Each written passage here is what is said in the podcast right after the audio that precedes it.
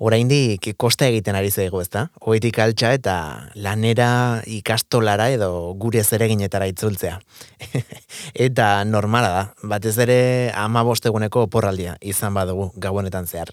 Hori dela eta gaur planak izango ditugu ardatz, hemen ispilu beltza saioan, guztiak plan kulturalak izango dira. Jendea ezagutzeko, e, pasioa kelkarbanatzeko, eta gure barruko emozioak askatzen lagunduko dizkiguten planak. Venga, kendu begietako makarroiek eta guazen e, eguna elkarrekin astera, kasunetan Donostiako zine unitateko zuzenari den Josemi Beltranekin. Ispilu beltza, asier rastirekin.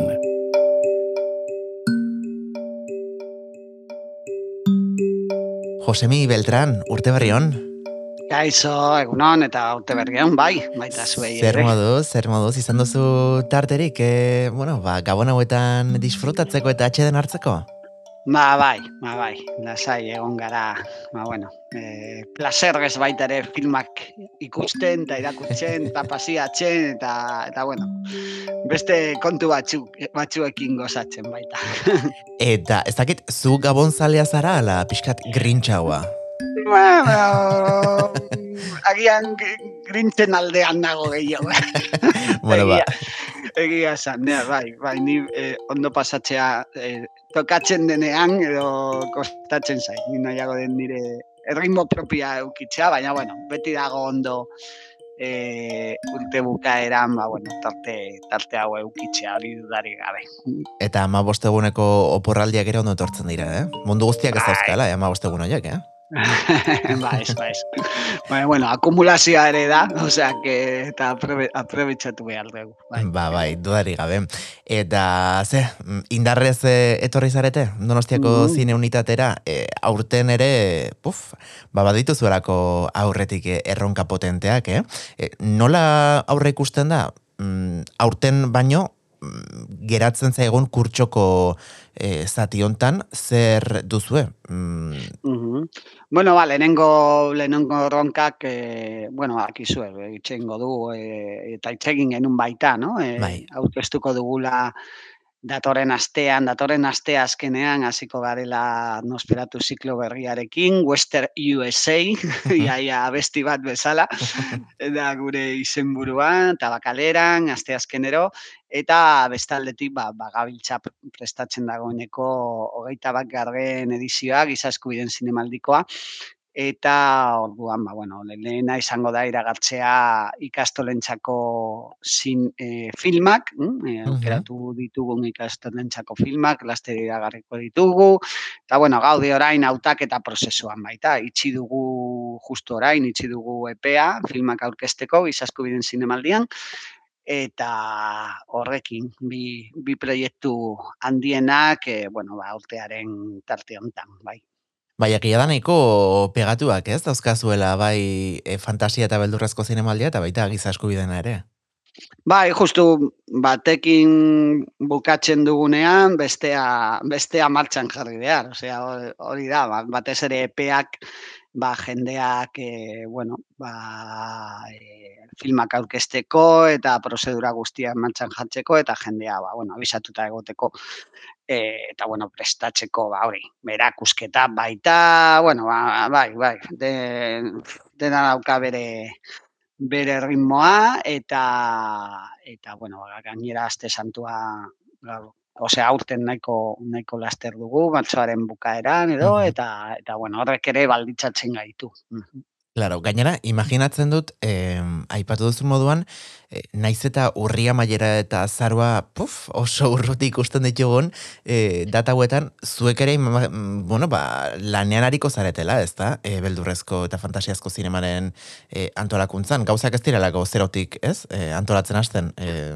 Ez, ez, ez, ez. Mm, bueno, kontu batzu beti komentatu dugu, no? Maiatxa da guretzat, beldurrezko asteari begira, maiatxa da ba, bueno, e, mugarria edo, e, ba, bueno, ma, martxan jaltzeko, kaneseko zinemaldian, martxan jaltzeko ba, prozedura guztia filmekin, e, azer egongo den, e, udazkenean, eta bar, baina, bueno, beste kontu batzuk adibidez ja, lanean gabiltza adibidez erakusketa handiak edo edo aurtengo kartel ofiziala ia ia ia pentsatuta dago eta bueno mm. lastere prozedura martxan jarri behar osea que bueno bai eh da paraleloa beti, eh? ez da ez dugu hainbeste denbora sartzen horretan orain, e, baina gehiena da giz eskuden zinemaldirako, baina ba, ba, ba, badaude zenbait kontu, e, ba, bueno, bai, ja, martxan jarri behar ditugunak, bai. Eta ipatu duzu, rengo asteazkenean estrenatuko dela aurtengo, 2008 laugarren urteko nosferatu zikloa, tabakaleran asteazkenero e, ospatzen den proiektzio horrekin, e, pasaden urtean, Frantzian, e, ondoko herrian, e, bueno, ba, jarri zenuten fokua, aurten baina, bueno, putzu ere pasa beharko dugu.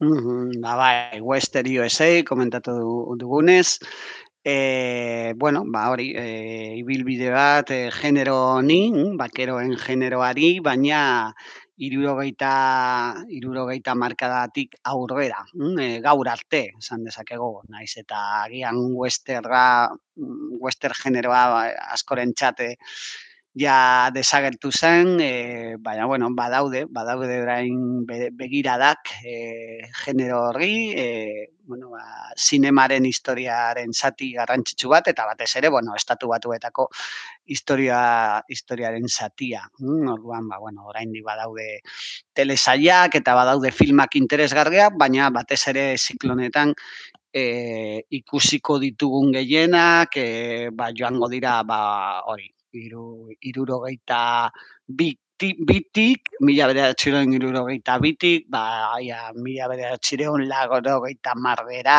gutxi gora bera, hori izango da, e, ba, bueno, garai garrantzitsuena e, zikloan. Mm Ez dakite beste aurreko edizio batzuetan horrela planteatu duzuen, baina niri e, gustatu zait momentuz e, bueno, iragarria dagoelako leni iruileko honetan e, proiektatuko dituzuen e, filmen izenburuak e, gustatu zait nola urrengo asteazkenan ikusi izango duguna irurogeita bikoa den eta kronologikoki e, joaten zareten, ez da, pixkanaka aurrera beraz, e, jo, ba, bada orain, behintzat hauen zuten dabilenan jendearentzat eta interesa badu behintzat e, genero honetan, ba, agien hasieratik ez, e, olatua hartzeko, bueno, ba, e, bueno, aprobetsatuko nukenik behintzat.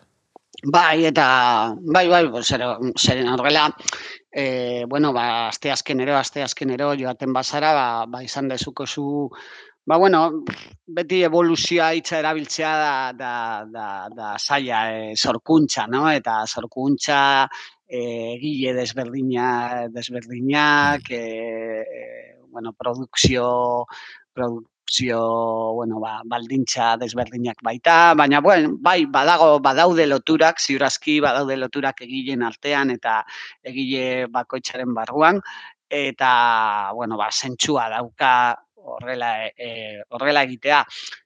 Kontuan hartu behar baita beti ez dela posible aurkitzea nahi dugun filma, eh? gero materialak edo e, ba, baldintzatzen materialek baldintzatzen dituzte, no? aukera proiektatzeko, baina eta bueno, genero hau bezalako genero batean beti badaude film asko eta gian bat botatzea posible da, proiektatzea posible bada, ba, e, proiektatu dezakezu beste bat. E, antzekoa edo baina beti kalitatezkoa eta eta interesgarria, ba bueno, be, ba, gure programazioa taldearen arabera. Mm e, Asten zarete, irurogeita bigarren urtean, baina azanolako pelikularekin. Nik egia esan, ez daukat ikusia, baina e, sarean saltxeatzen ibili naiz, eta besteak beste, e, Film Affinity bezalako, bueno, ba, plataforma e, espezializatuak jarri du film hau, e, historiako e, zinema panoraman e, hogeita bederatzi garren postuan e, western oneanaren e, bueno, ba, e, mm, bueno, e, postu moduan, orduan, ez dakit, hogeita bederatzi garren e, western onena izatea e, historiako zineman, wow, e, ez dakit, zerbait... Jolin, jolin affinity. Nik neukan begiratuta datu hori, baina bueno, baina bueno, bueno, izan daiteke, goita bederatzi garrena, bueno, agian izan daiteke, baina kontuan hartu behar e, bueno, ba, urreko amarkadetan, ba, bueno, e, argi bitxi asko egon zirela, e, baina agia da, agian garai honetan western modernoan, garaikidean edo western krepuskulargean, ba, bai, oso garrantzitsua dela. E, fil hau eta horregatik hasiko hasiko gara e, film honekin, zeren e, markatzen du agian transizio hori, Wenster e, klasikotik, e, Wenster garaikidera, esan dezakegu, eh? bi, bi heroi, bi pertsonai zarrekin, e, bueno, ba, e, mundu modernoaren edo erronka modernoen e, ba, bueno, ba, baldaketak asumitzen eta eta asumitzen baita ere sartzaroa, e, sartzeko prozesua, eta eta bueno, eh ba pizkat e, komentatzen genuen baita, no? Desenkanto hori komentatzen genuen eh bueno, ziklo orkestu orkestu genuenean, Randolph Scott eta Joel McCrea dira aktore protagonistak eta hauek biek egin zituzten edo filmatu zituzten western pillo, eh? Western pillo eh, klasiko era batekin askotan B serieak esan dezakegu. Mm baina honetan, bueno, San Pekipat da e, zuzendaria, bere bigarren filma dugu, eta eta Pekin Pak e, zuzendariak egin zuena beraiekin ba, ba oso garrantzitsua izan zen, no? Zeren hautsi hautsi hautsi hautsi zun pizkat, ba beraien irudia e, aprobetxatuz baita, ja, agian, e, bueno, ba, ez zirela hain erakargarriak publikoaren txat, ja, adinagatik eta bar, baina lotuzun, ba, bueno, e, interesa pistea berriro e, generoaren gang, eta erabiliz hori ba, bi eroizarrak edo bi, e, bi betiko aktoreak, e, bueno, agian izarrak izarrak ez ziren enbeste, baina, baina baita ere izarrak ez izatea, ba, ematen zion bere kutsua historiari, bai.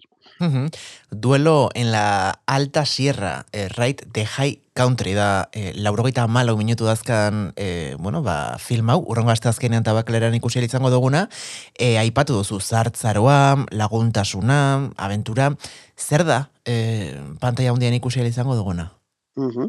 Ba, bilagunen historioa, kaso honetan, e, bueno, ba, e, urre kargamentu bat e, gargaiatu, gargaiatu behar dute, eta bueno ba ibilbide horrek baldintzatuko du ba beraien arteko harremana, ezta? Adiskidetasuna edo edo traizioa. Bata bat da gente federal oia edo eta bestea ba buskabidas bat esan dezakegu.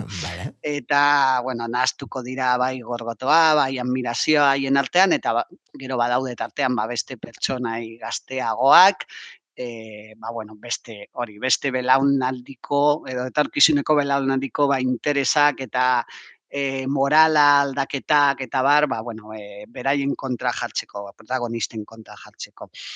Batez ere, e, bueno, e, Pekin Pat kasuan ikusiko dugu aurrerago zikloan grupo salvaje, ja da, ba, bueno, bere, bueno, agian fin emblematikoago bat, baina, baina ja honetan, duelo alta e, filmean, e, bueno, agertzen dira, ba, zenbait interes e, konstanteak edo irankorrak bere lanean. Adibidez, ba, violentziaren nola erabiltzen duen violentzia, e, beti algian esplizitoagoa, beste horreko e, filmekin, klasiko film, beste film klasikoekin alderatuta, eta dauka violentzia baita alde liriko ba. E, hori esan beti komentatzen da Pekin, Pekin bat kasuan, eta muntaketa asko zauzartoagoa, batez ere, bueno, ba, filmaren e, amaieran, eta pekinpat duen interesa e, galtzaien gan, edo pertsonai galtzaien gan, edo pertsonai, ba, bueno, ba,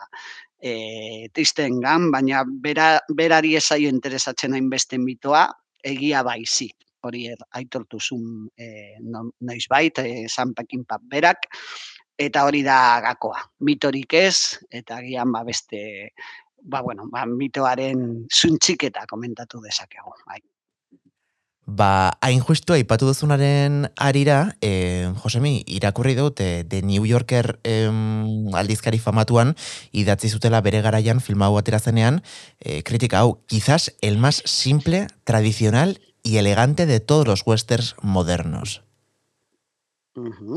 Ba, bai, baliteke, baliteke, agian definizio horren gakoa egon daiteke e, komentatu dugunez transizio horretan, dagoelako klasikoen eta western garaikideen artean, e, horregatik, e, ber, e, berez Sanpekin berak bere estiloa ere sofistikatuagoa egin zuen aurrerago eta honetan ba, begiratzen begiratzen die film zaharrei film, ez bakarrik protagonistekin baizik eta e, bueno, ba, estiloarekin ere bai orduan zentxorretan iruditzen zait ba, bueno, ba, egokiagoa izan daitekela eh? wester garaikidei buruz hitz egiten badugu ba hau egon daiteke ba, bueno, e, da mugarri bat dago eh, daudean jaiotzeko, eh, garaikide ikuspuntuak, baina badago oraindik eh, film klasikoen kutsua.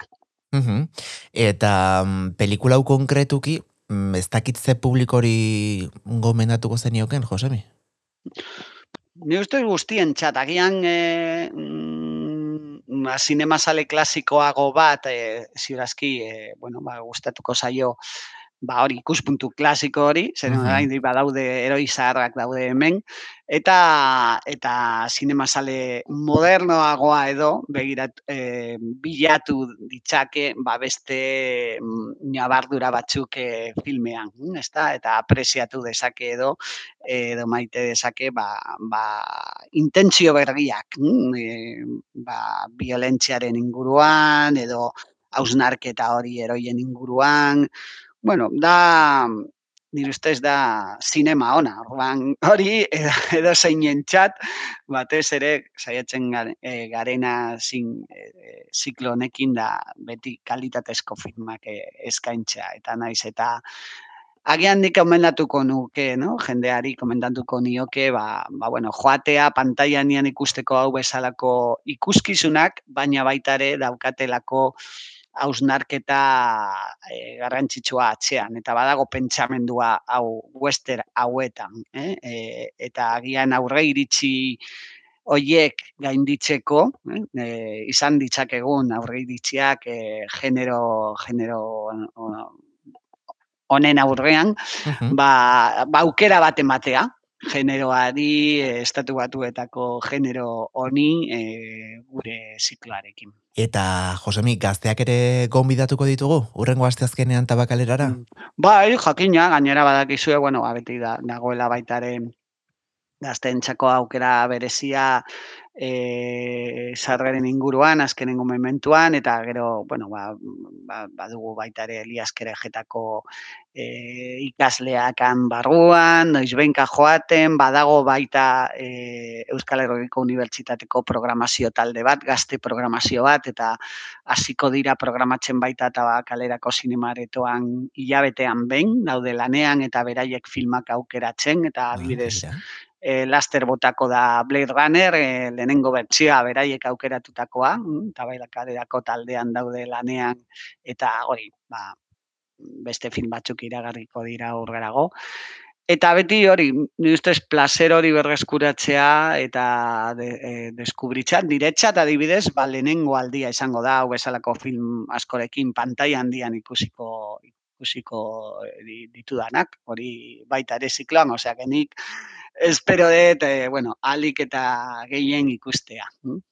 Ba, tira, urrengo asteazkenean, urtarriaren amazazpian, mundu guztia, orduan gombidatuko dugu tabakalerara, e, bertan, arratsaldeko zazpiretan ez da? Hori da, azte azkenero, zazpitan e, e, tabakalera. Ba, hortxe, gombita luzatuta emendik, izpilu beltzatik, Josemi, e, ondo hasi urtea, animo, astearekin, eta datorrenean ere hemen izango zaitugu. Bale, ba, mi esker eta laster arte. Besarka da bat, agur, Josemi.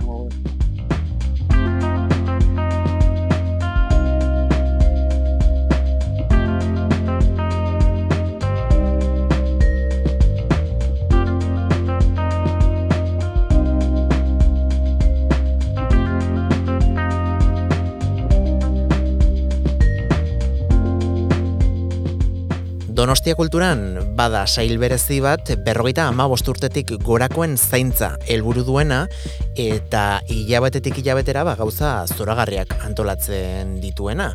Jarraian plus berrogeita ama bosten urtarrileko agendaz hariko gara. Maria Fernandez, ongietorri gure izpilura. Eh, eskerrik asko. Urte berri hon, eh, Maria, zer moduz? Zer moduz pasa ditu azken aste hauek, gabonetako oporretan, oporrik izan baduzu? ba, ez dut izan oporrik, zeren egon naiz hemen gauzak prestatzen ah. plus berra gaita magosteko mm, zera jende, e, jendei, eta, bueno, e, pizkanaka, pizkanaka, ba, gauzak egiten, baina beste laseitasun batekin, ez? Ondo pasa dugu. Hori da, beste, beste gabon mota batzuk ere pasa dituzuzuk, haizu, e, urren urtean ziur izango dezula den hartzeko aukera, e, gaur gure ganazatoz e, aurkeztera mm, hain zuzen, plus berrogeita amabost e, arloko, bueno, ba, urtarrilerako prestatua duzuen guztia, que la verdad es que este mes y este año tampoco venís con las manos vacías, ¿no, María? Bueno, siempre procuramos traer cosas y contenidos de interés para que las personas mayores de 55 en Donosti pues tengan eh, interés y de participar en, en lo que propongamos.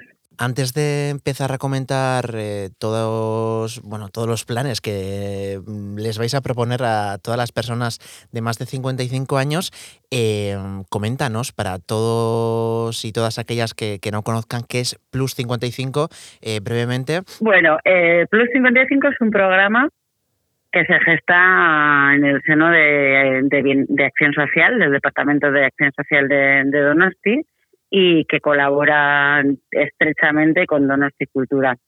Este programa se inserta dentro de los centros culturales de Donosti y de la Escuela Municipal de Música y Danza y viene desde hace pues unos 20 años ya eh, ofreciendo diferentes actividades que se facilitan digamos la, la participación de personas mayores de 55 en, en lo que quieran participar se va construyendo en la medida que las personas de esta franja de edad eh, nos, nos van facilitando y proponiendo, proponiendo actividades. Entiendo, María, que con el nombre Plus 55 eh, se refiere a gente que tiene más de 55 años, pero desde ahí en adelante sin límite ninguno, ¿no? Sin límites, sin límites. ¿Límites para qué? bueno, intentamos enfocarla eh, directamente en los intereses que puedan tener la gente que, que entra ya en esa franja de edad y que, aunque no se considere mayor, mm, pues de alguna manera quiera empezar a tantear y hacer una prospección de los intereses y las cosas que le generan pues, bienestar y satisfacción, sobre todo, ¿no? Ese es un poco el enfoque intentamos dar. Eh, no es tan importante la edad o el límite, el límite no debería ser la edad, sino que no me gusta. Y a partir de ahí, pues determinar todo lo que sí me gusta, todo lo que sí me hace sentirme bien y todo lo que sí me conecta con otras personas. Y en este caso, bueno, para cubrir esas necesidades, eh, cuáles son los planes, eventos eh, y demás cosas que, nos traéis para este enero, para empezar con fuerzas y con ganas eh, este nuevo año. Bueno, pues tenemos los clásicos eh, de Plus 55, que vienen siendo los paseos que ofertamos todos los lunes, desde las 11 de la mañana, paseitos de una hora y pico más o menos, donde se puede eh, eh, recoger información en el punto de salida y relacionarse con, con otras personas. Es, digamos, la actividad que menos compromiso requiere y que más libertad eh, da para que podamos eh, conocer e informarnos de, de, todas las cositas que hay en Donosti, que son un montón. Y a partir de ahí, pues eh, otro clásico de los que tenemos también es el, la, la, la posibilidad de apuntarse a cursos donde la brecha digital se disminuya, aquellas personas que se líen un poquito con el móvil, que no lo entiendan bien, que necesiten eh, saber y conocer un poquito más el funcionamiento, pues ofrecemos cursos de móvil donde pueden resolver esas dudas.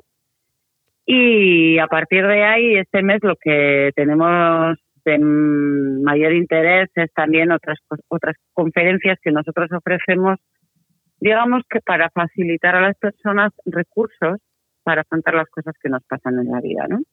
Y este mes tenemos dos tres conferencias. Eh, el día 22, eh, Amaya Urquiza nos contará cómo se gestionan las emociones difíciles, algo que creo que como puedes ver, los contenidos, digamos, no están, no excluyen a nadie porque mm, gestionar emociones difíciles es algo que tenemos que hacer a lo largo de toda la vida. Pero a veces nos viene bien que alguien nos cuente cómo, eh, cuánto de importante es gestionar estas emociones para poder sentirnos, pues, pues bien y identificar, pues, todo lo que nos sucede alrededor para poder gestionarlo de una mejor manera para nosotros. ¿no? Esto será el día 22 eh, en la Casa de Cultura de Inchaurrondo, ¿verdad? Exactamente. Esto será el día 22 a las 6 de la tarde en la Casa de Cultura de Inchaurrondo.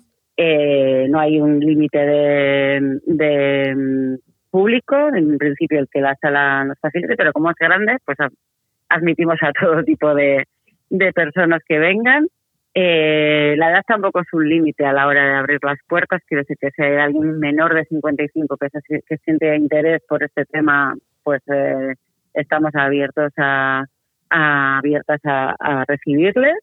Y además pensamos que la mezcla de asistentes a veces también es buena porque lo que son los turnos de preguntas pues siempre es, es más fresco, ¿no?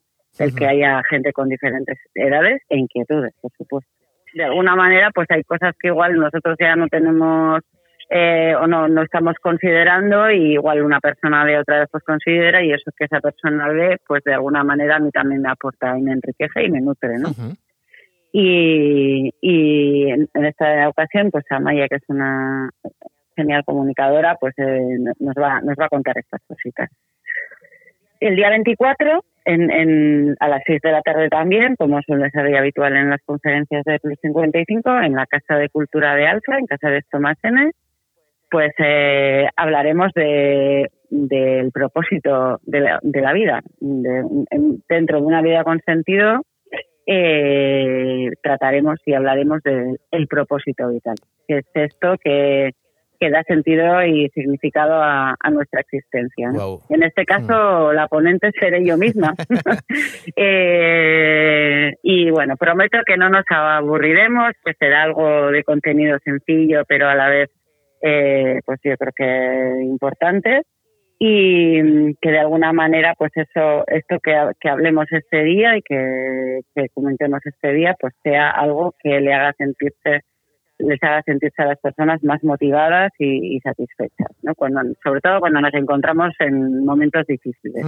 Pero, eh, María, me imagino que será muy complicado, ¿no? Eh, reducir un tema tan complicado, extenso y gordo como es el propósito de, una vida, ¿no? Eh, a una mm, bueno, a una conferencia.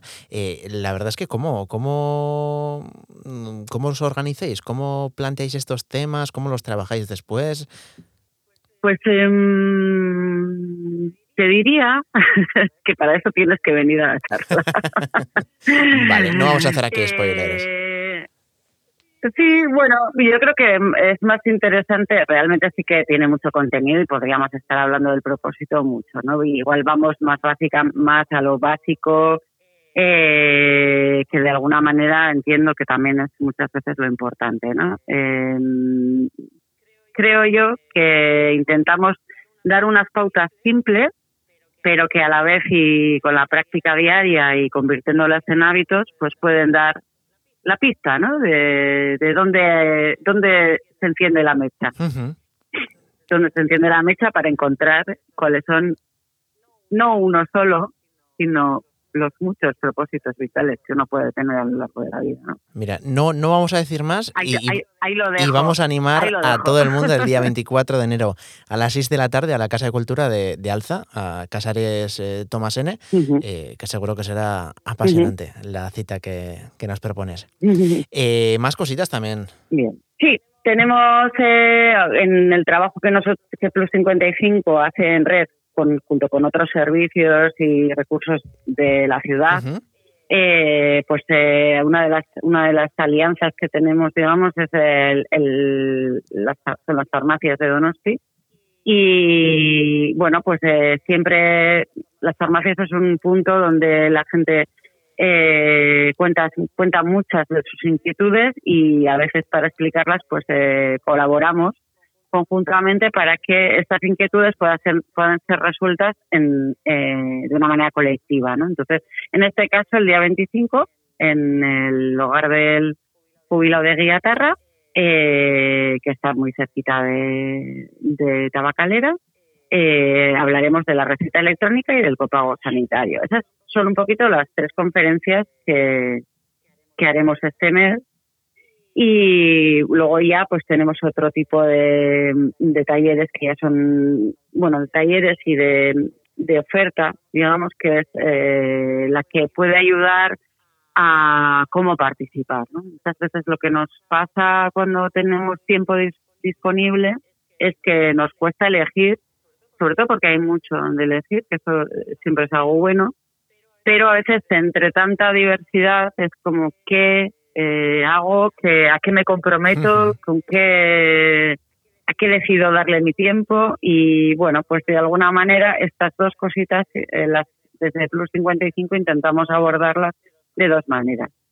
Una de ellas es eh, a final de mes en las casas de cultura donde estamos intentamos explicar de manera colectiva y grupal qué contenidos vamos a tener. Esto que estoy haciendo yo hoy contigo, eh, hacerlo a final de mes con la programación del mes siguiente. Es una manera de informarse y a la par de, de conectar con otras personas que igual pueden tener intereses parecidos a los nuestros y eso puede ayudar a generar nuevos vínculos ¿no? entre, entre personas e informarse al mismo tiempo. Ah, mira, qué interesante. Eh, a partir de este lunes eh, pasado, eh, se pueden, pueden llamar a las casas de cultura, o sea, hoy mismo, día 9, ya pueden llamar a, la, a las casas de cultura y apuntarse para que se les informe sobre la programación del mes de febrero. Así que ya vamos avanzando en el año, como puedes ver. Sí, sí, sí.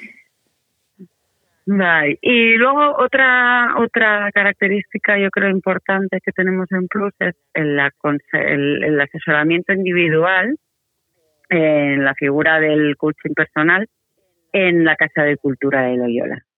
Digamos que si, si estás perdido, perdida, no sabes muy bien por dónde tengo que empezar a hacer cosas, ¿no? O, estoy haciendo un montón, pero no encuentro una que me satisfaga.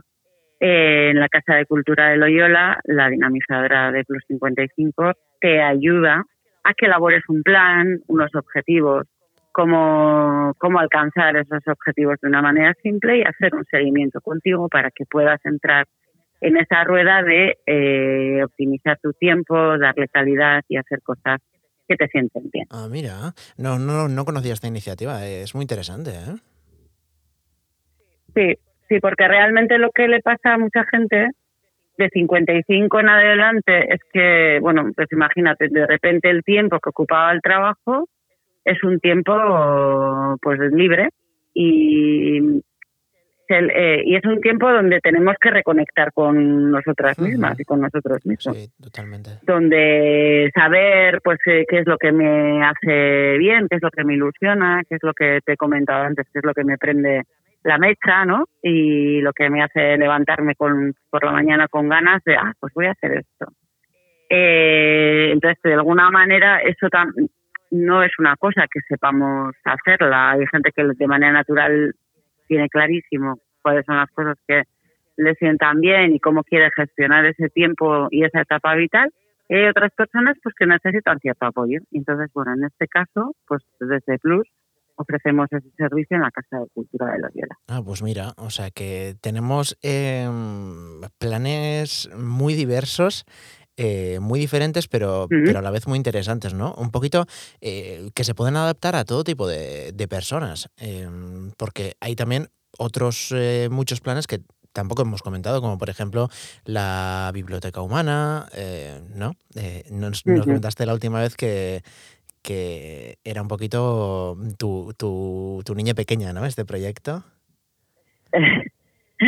Bueno, la Biblioteca Humana la verdad es que es un proyecto que acogemos con mucho cariño. Este mes no tenemos, pero, pero procuramos tener a lo largo del año unas, unas cuantas porque digamos que lo que ponen de relieve es la experiencia humana. La experiencia humana de una manera individual y poder eh, conectar con otra persona y su experiencia humana y poder preguntarle, ¿no? Eh, entonces es un formato mm, familiar, casi diría, eh, donde la cercanía permite pues una charla agradable, informarse sobre otras cosas eh, y, conversar con otras personas que, ponen su, experiencia al servicio de, los demás. Entonces la biblioteca humana realmente mm, pone de relieve pues ese conocimiento ¿no? que las que los seres humanos tenemos y, que podemos, que normalmente compartimos con nuestros círculos más cercanos, pero bueno, ¿por qué no extrapolar esto a, otras personas que puedan tener interés? Pues sí, totalmente. Y mm, antes de despedirte, María, eh, ¿dónde podemos encontrar toda esta información que nos has comentado? ¿A dónde nos tenemos que dirigir? Vale. Tenemos mm, diferentes maneras de, informarnos sobre la programación de Plus. Eh, yo creo que la más sencilla y más cercana también para poder preguntar cosas si queremos es acercarse a cualquier centro cultural. Eh, los horarios que, habitualmente tenemos, que son tanto de mañana como de tarde, y, y preguntar a la persona dinamizadora de Plus que esté eh, sobre lo, que tengamos interés. Después tenemos la agenda física en papel, que puede estar, eh, la podemos encontrar en polideportivos, en los centros de cultura, en los hogares del jubilado, en los ambulatorios. Tenemos muchos puntos donde repartimos esta agenda que físicamente se puede recoger normalmente la última semana de mes y a partir de ahí hasta que se agotan. Vale. Y la otra manera también es una vez que nos hemos acercado a la Casa de Cultura y tomado contacto con la persona de Plus, eh, es darle o facilitarle nuestra dirección de correo electrónico porque de esa forma nosotros eh, mandamos a, esas direcciones de correo electrónico los contenidos de la agenda de Plus cada mes.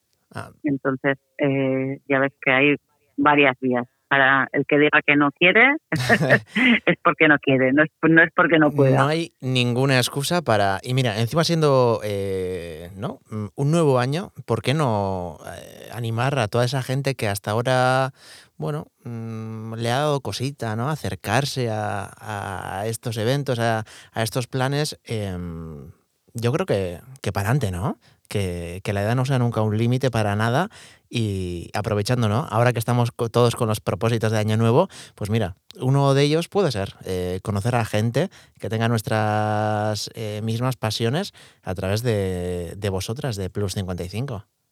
Y yo, mira, creo que esto es como, por ponerte un símil, es como en la cocina. Eh, si no sabemos cocinar, nadie nos ha enseñado, no, no, no, no sabemos, eh, pues es difícil que nos alimentemos bien, escojamos los alimentos que nos gustan, los elaboremos, pero si vamos teniendo formación, cada vez eso nos va a habilitar más, nos va a dar más herramientas, nos va a dar más recursos para sentirnos bien en definitiva y alimentarnos o nutrirnos en nuestra vida de una manera eh, pues sana en la que podamos establecer vínculos con la gente, ¿no? Porque de alguna manera lo que sí que quiero decir es que muchas veces cuando vas cumpliendo años, pues eh, hay muchos cambios en las estructuras vitales y se genera mucha incertidumbre y la incertidumbre no es buena compañera. Entonces, de alguna manera, el poder saber que tienes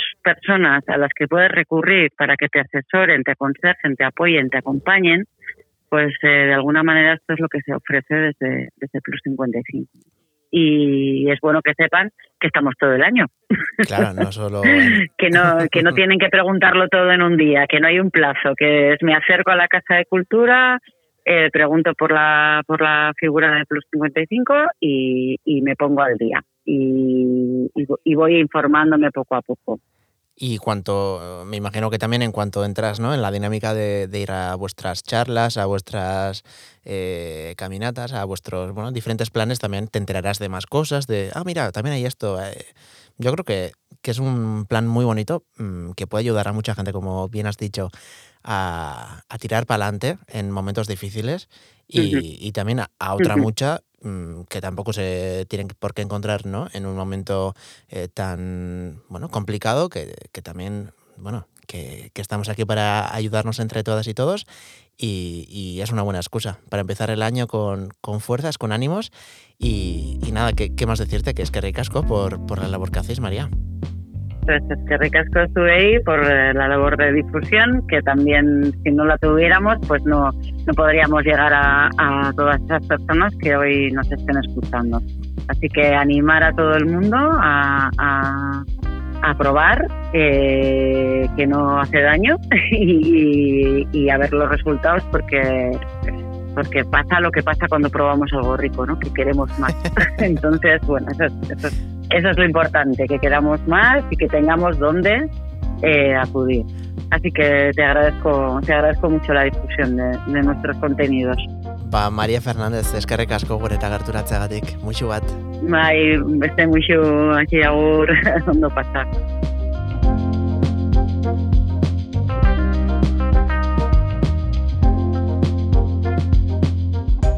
Eta tira entzule, mm, hautsi izan da guztia gaurkoz. Urte berria, baina ohitura zarrak ez ditu gaztuko.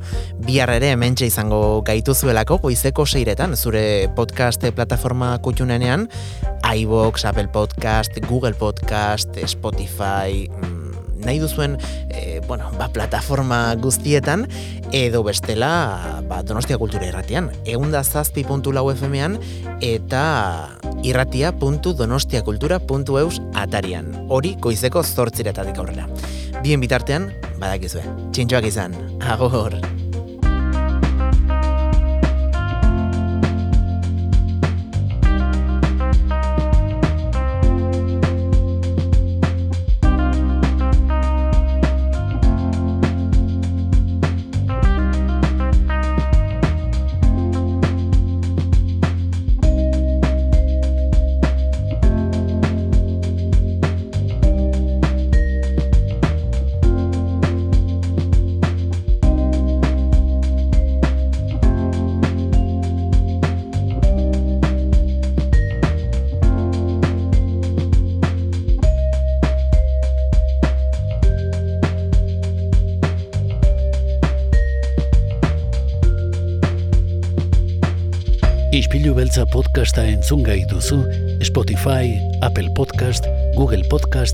Beste hainbat audio plataformatan.